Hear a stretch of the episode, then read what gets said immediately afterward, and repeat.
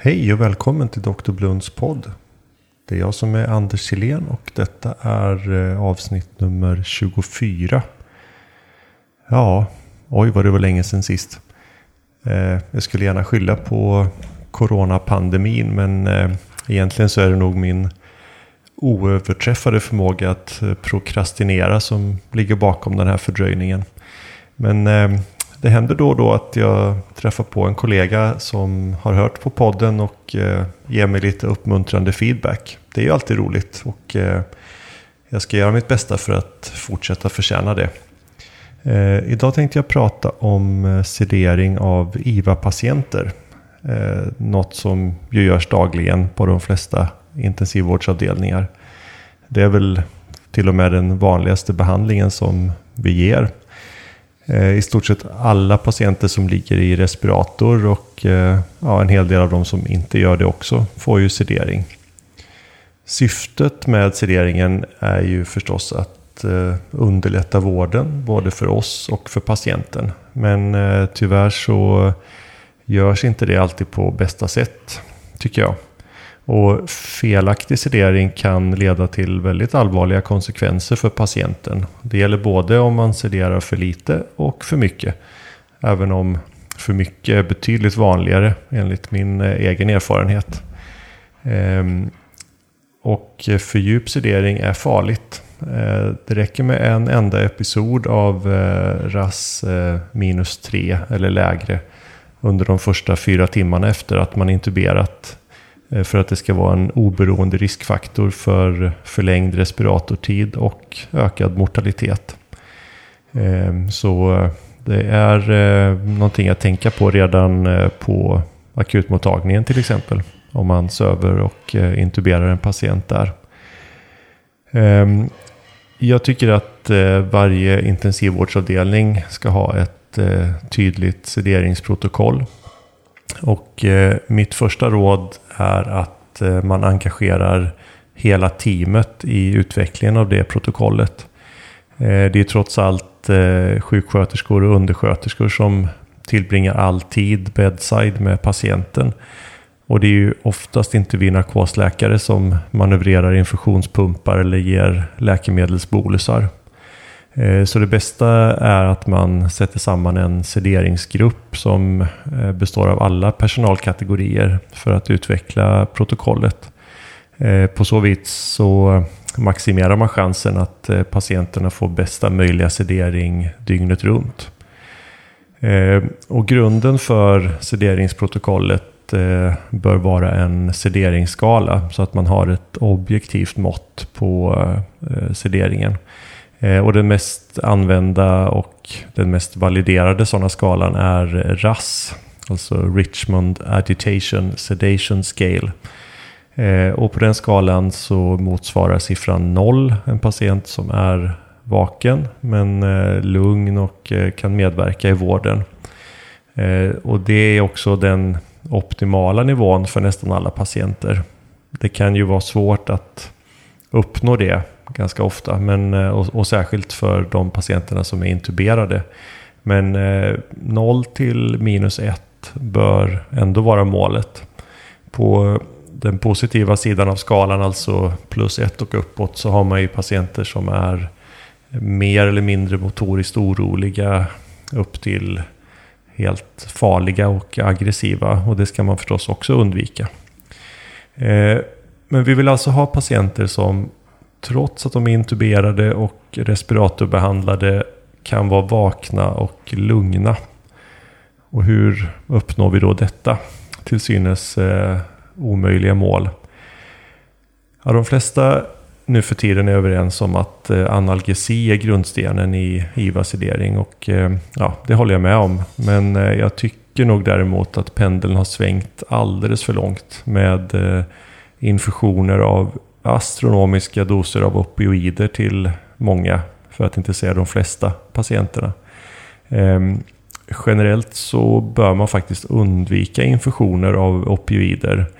Eh, det enda undantaget är eh, remifentanil som eh, ju har en farmakokinetik som lämpar sig bäst för kontinuerlig tillförsel. Men egentligen så tycker inte jag att det är ett jättebra läkemedel för IVA. Utom när man vet att det bara rör sig om något dygns sövning eller så. Eh, man kan ju visst starta med remifentanyl men eh, det ska inte pågå under någon längre tid.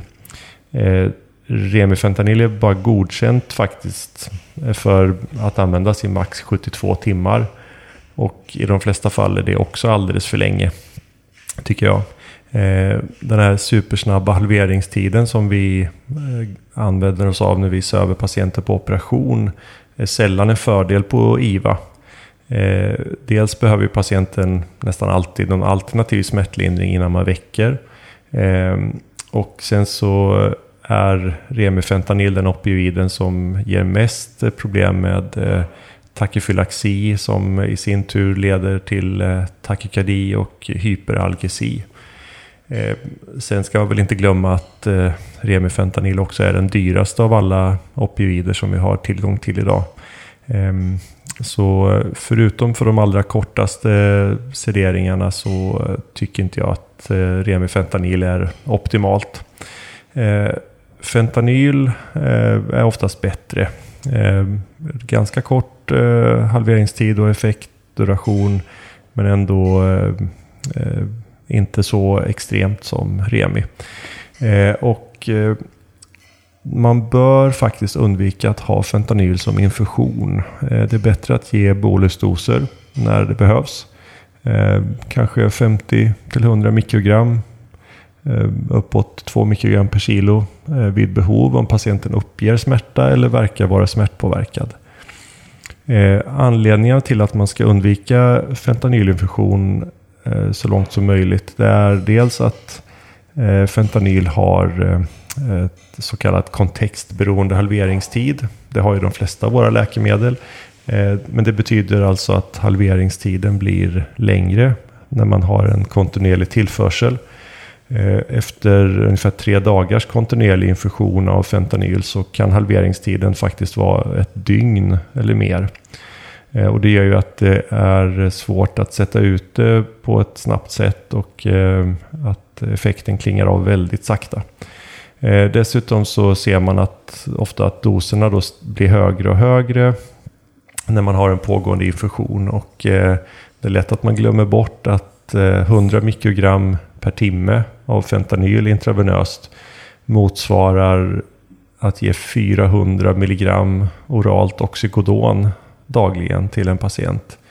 Eh, och det är inte så många gånger som vi tycker det är rimligt att ge 40-10 mg tabletter oxycodon till en patient på en dag.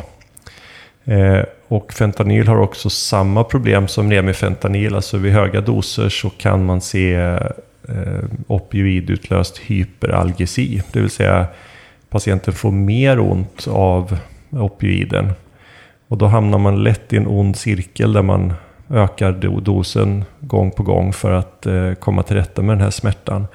Eh, och då får man mer och mer av biverkningarna istället.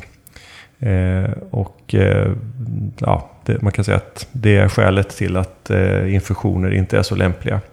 Om det nu är så att man har logistiska skäl eller andra skäl till att man måste ha en infusion av fentanyl då ska man förstås hålla den så lågt som möjligt och sen måste man aktivt eh, och ganska aggressivt titrera ner infektionstakten.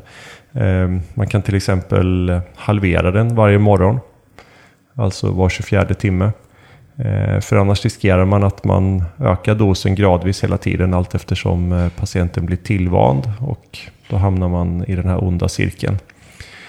Och även om man har en infektion så bör man se till att en väsentlig del av dygnsdosen eh, ges i form av bolusar. För annars har man garanterat en för hög infektionstakt.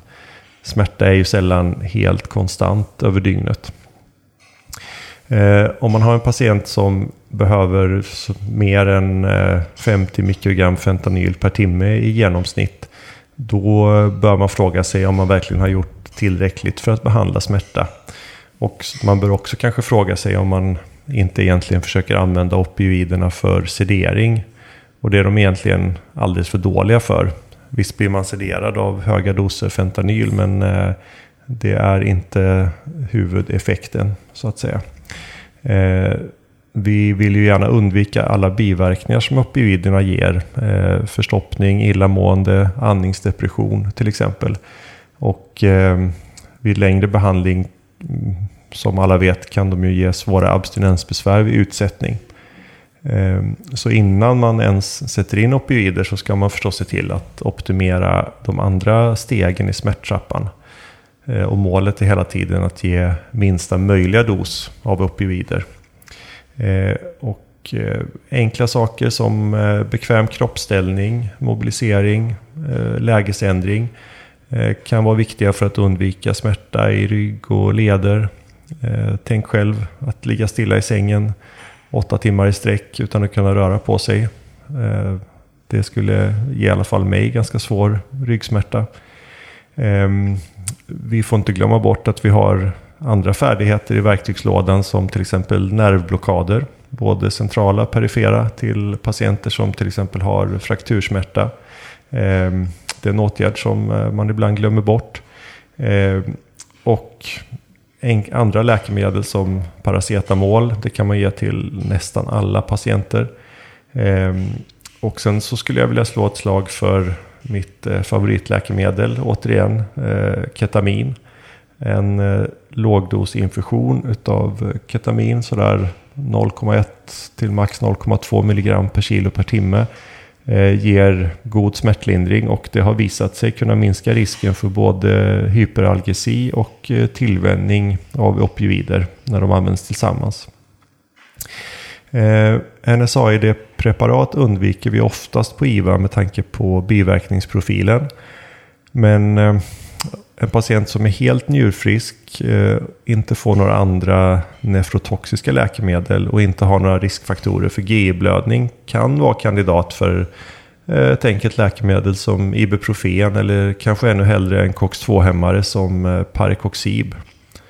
Ehm, och det sista som man kan säga om opioider är att det kan löna sig att eh, byta ut dem ibland, alltså rotera, eh, om man har patienter med långa vårdtider.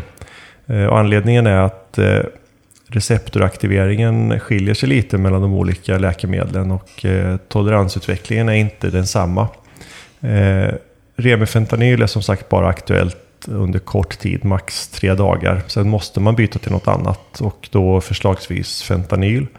Ehm, om det har gått en vecka eller mer med intravenöst fentanyl då bör man försöka byta det också. Om opioidbehovet fortfarande kvarstår. Eh, har man tillgång till patientens eh, GI-kanal med en sån till exempel så går det ju bra att ge oralt eh, eh oxykodon eller morfin. Och eh, morfin intravenöst är också eh, någonting som har använts med framgång. Och, eh, eh till exempel finns det några studier från Danmark nyligen där man faktiskt har haft minimalt eller nästan helt osederade respiratorpatienter och de har fått intravenöst morfin som smärtlindring. Eh, fördelen med morfin just kan vara att eh, det inte har en så uttalad euforisk effekt, alltså den här kicken som man kan få. Eh, och det gör att det är mindre sannolikt att man använder det som eh, lugnande läkemedel istället för smärtlindrande. Ehm, så eh, det är viktigt att tänka på att man faktiskt kan byta opioid efter ett tag. Eh, och eh, testa att Eh, angripa receptorerna på ett annat sätt. Ehm, men när vi nu har tagit hand om smärtan så kan det ändå finnas behov av sedering i egentlig mening, alltså för att behandla eh, oro och ångest hos patienten och eh, nå den sederingsgrad som vi önskar. Ehm, och här gäller det också att inte glömma de icke-farmakologiska metoderna. Eh, lugnande och eh, informerande samtal med patienten för att göra honom eller henne delaktig i vården kan vara tillräckligt för att eh, lindra oro eller ångest. Eh, ofta måste vi dock använda sederande läkemedel för att kunna ge effektiv och säker vård till våra IVA-patienter. Eh, Propofol är väl det läkemedel som de flesta av oss har mest erfarenhet av och eh, det är också mitt förstahandsalternativ. Ehm, Ja, halveringstiden är ju relativt kort och den ökar inte särskilt mycket med tiden. Så Propofol kan man använda som infusion. Ehm, man bör dock även här vara aktiv med att titrera ner infusionstakten ofta, minst en gång per dag. Och se till att åtminstone en del av dygnsdosen ges i bolusform för att man inte ska ha för hög dos. Ehm, det normala dosintervallet är en halv till milligram per kilo per timme. Och när man är över 2 milligram per kilo per timme då behöver man börja fundera på om det finns något annat man kan göra för att lugna patienten. Ehm, och när man går över 4 milligram per kilo per timme under en längre tid, alltså mer än några dygn, då anses det öka risken för eh, propofolinfusionssyndrom propofol-infusionssyndrom som i och för sig är ett väldigt ovanligt tillstånd men eh, har väldigt hög mortalitet när det uppstår. Ehm, det skulle kunna bli ett avsnitt i sig själv faktiskt. Eh, vi lämnar väl eh, detaljerna därhän. Men 4 mg per kilo per timme är definitivt eh, taket för en längre propofolinfusion. Ehm, om patienten är cirkulatoriskt instabil så kan propofol förstås leda till ytterligare blodtrycksfall. Men det är inte förbjudet att sätta in en vasopressor för att kompensera för det. Och I annat fall så kan man överväga en ketamininfusion istället och då förstås i en högre dos än den för ren smärtlindring. Ehm, ett annat läkemedel som blivit mer eller mindre standard inom intensivvården nu är eh, dexmedetomidin som ju är en alfa-2 receptoragonist. Eh, den kan användas ensam eller tillsammans med eh, Propofol. I många fall räcker det med bara dexmedetomidin om patienten är adekvat smärtlindrad. Eh, om man av någon anledning vill hålla patienten djupt sövd med Propofol är det väl tveksamt om eh, Dex eh, adderar någon nytta egentligen. En patient som är sederad med Propofol kan ibland vara lite svår att väcka upp till god spontanandning inför extubation utan att eh, han eller hon blir eh, agiterad och eh, det kan ju bli farligt. Ehm, då har man i princip två alternativ. Antingen så stänger man av Propofol och extuberar när patienten inte kan tolerera tuben längre. Alltså ungefär så som vi gör på operation. Ehm, detta kallas ibland också lite slarvigt för cowboymetoden. Eh, inte så snyggt men eh, fungerar eh, oftast på eh, friskare patienter. Eh, men alternativet är då att man istället lägger till dexmedetomidin en stund eh, innan propofolet stängs av. Och sen så väntar man tills patienten är vaken och kan kommunicera och andas spontant. Eh, då kan man extubera i lugn och ro och sen stänga av eh, dexmedetomidin i infusionen. Eh, så om du är osäker på om patienten har tillräckligt god egenandning för att klara sig utan sin tub så rekommenderar jag förstås den något lugnare metoden med dexmedetomidin. Det finns också en eller ett par publicerade studier som visar att det är en effektiv metod. Ehm, för akut eh, agitation eller ångest som man inte kan eh, lösa med sin eh, Propofol så kan man ge intravenöst eh, Midazolam. Men använd aldrig Midazolam infusion. Eh, bensodiazepiner är eh, bra som ångestlindring och för kort sedering. Men eh, de eh, rent ut sagt suger när man ger dem som infusion. Eh, alla som har använt en midazolam-infusion för sedering under längre tid har varit med om patienter som behöver en vecka på sig för att vakna upp när sederingen stängs av. Ehm, jämför man med andra sederingsstrategier så ger bensodiazepiner en längre vårdtid på IVA och eh, troligen också en ökad incidens av delirium. Ehm, Midazolam har ju en ganska kort effektduration när man ger en enstaka dos, eh, till exempel vid eh, procedursedering. Men eh, det räcker med ett par upprepade doser eller en ganska kort infusion för att effekten ska sitta i betydligt längre. Midazolam har alltså en extremt uttalad kontextberoende halveringstid. Ehm, och det är väldigt lätt att det drar iväg med ganska höga doser. Eh, tänk dig en patient Eh, som får en midazolam-infusion med 5 mg per timme. Det är inte ovanligt. Det blir 120 mg midazolam på första dygnet. Eh, om du absolut måste använda midazolam till en eh, agiterad patient så ordinera istället frikostig eh, vid behovsdosering.